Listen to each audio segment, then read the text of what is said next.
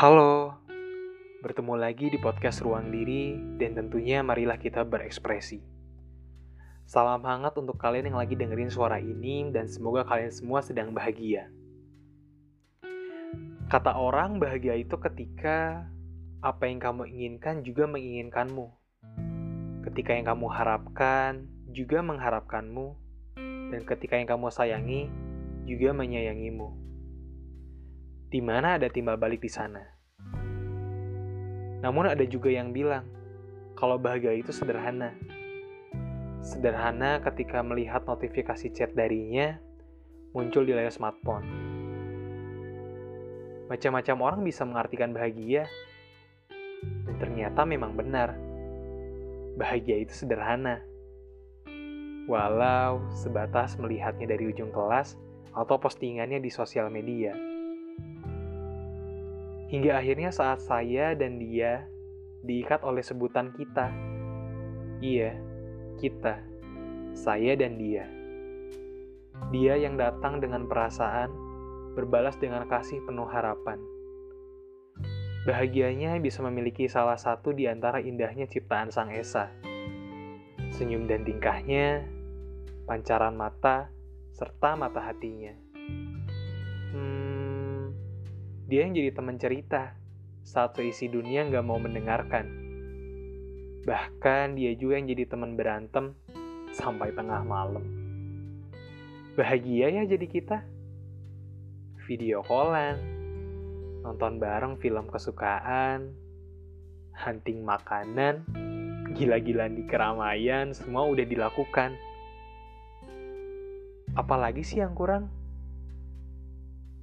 Kayaknya sih kurangnya rasa saling di antara kita. Selalu aja merasa paling. Merasa paling pantas untuk dihargai. Merasa paling benar di antara yang lain. Merasa paling sibuk. Pokoknya sangat merasa paling. Cuma yang saya tahu, kita nggak akan bisa bahagia sepenuhnya kalau kata paling masih sering terngiang di telinga. Semenarik apa pun cerita kebahagiaan kita yang tadi, itu semua bakal kalah dengan ego yang ada di kepalanya. Hanya saja saya khawatir. Khawatir bahagia yang saya rasakan hanyalah bayangan semu. Entah saya yang bodoh atau dia yang terlalu pintar, saya pun gak tahu.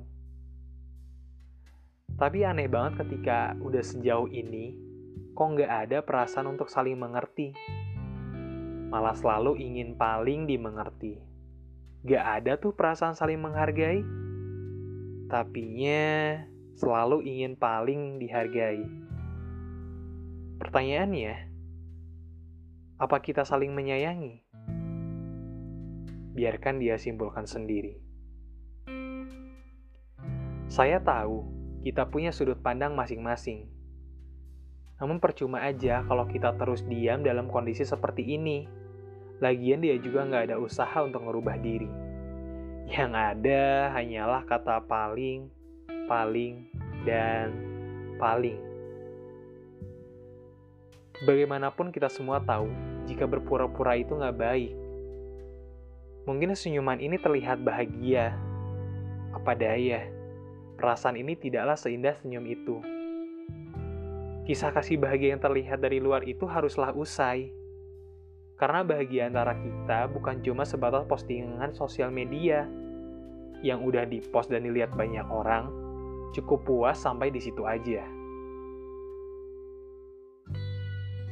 Mungkin inilah saatnya sebelum kertas putih ini semakin penuh dengan banyak tulisan dan coretan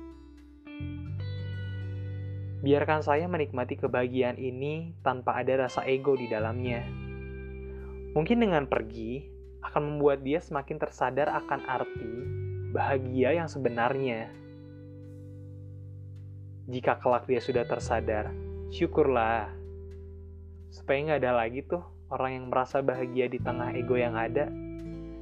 Karena saya udah pernah tahu rasanya dan gak mau ngulang itu semua. Terus gimana ke depannya? Apa saya bisa bahagia sepenuhnya? Iya, saya yakin. Suatu saat saya akan mencari dan menemukan kebahagiaan di mana di antara kita hanyalah ada kata saling, bukan paling. Tapi untuk sekarang mungkin enggak. Karena saya rasa sejenak memilih untuk rehat menjadi keputusan yang tepat.